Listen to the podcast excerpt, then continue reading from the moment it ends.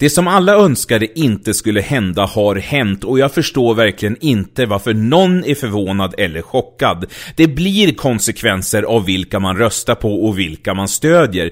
Folk är fly förbannade på terroristen eller terroristerna som utförde dagens attack i Stockholm och riktar precis alla lampor på just de här personerna. Och visst, jag också fly förbannad på terroristerna, men jag tänker ett steg längre. Blir ni förbannade på räven som smyger in hos hönsen och dödar dem, eller på personen som inte såg till att stänga grinden till hönshuset ordentligt? Precis som att vi kan vara 100% säkra på att räven kommer ta sitt byte om den får en möjlighet, så kommer även terroristen att ta sitt byte om han får möjlighet. Och det här är ungefär lika lätt och logiskt som 1 plus 1. Alla vet att det är så här, men ändå står ni där förvånade och chockade när ni röstar på dem som lämnar Sveriges grind öppen år ut och år in och ändå står ni där förvånade och chockade när ni stödjer mainstream media som gör precis allt för att hålla grinden in till Sverige öppen. Men det är dags nu mer än någonsin att ta en ordentlig titt på sig själv och fundera om det verkligen är värt att rösta på det där partiet som du alltid har röstat på, bara för att du alltid har röstat på det där partiet. Och här må jag låta hård,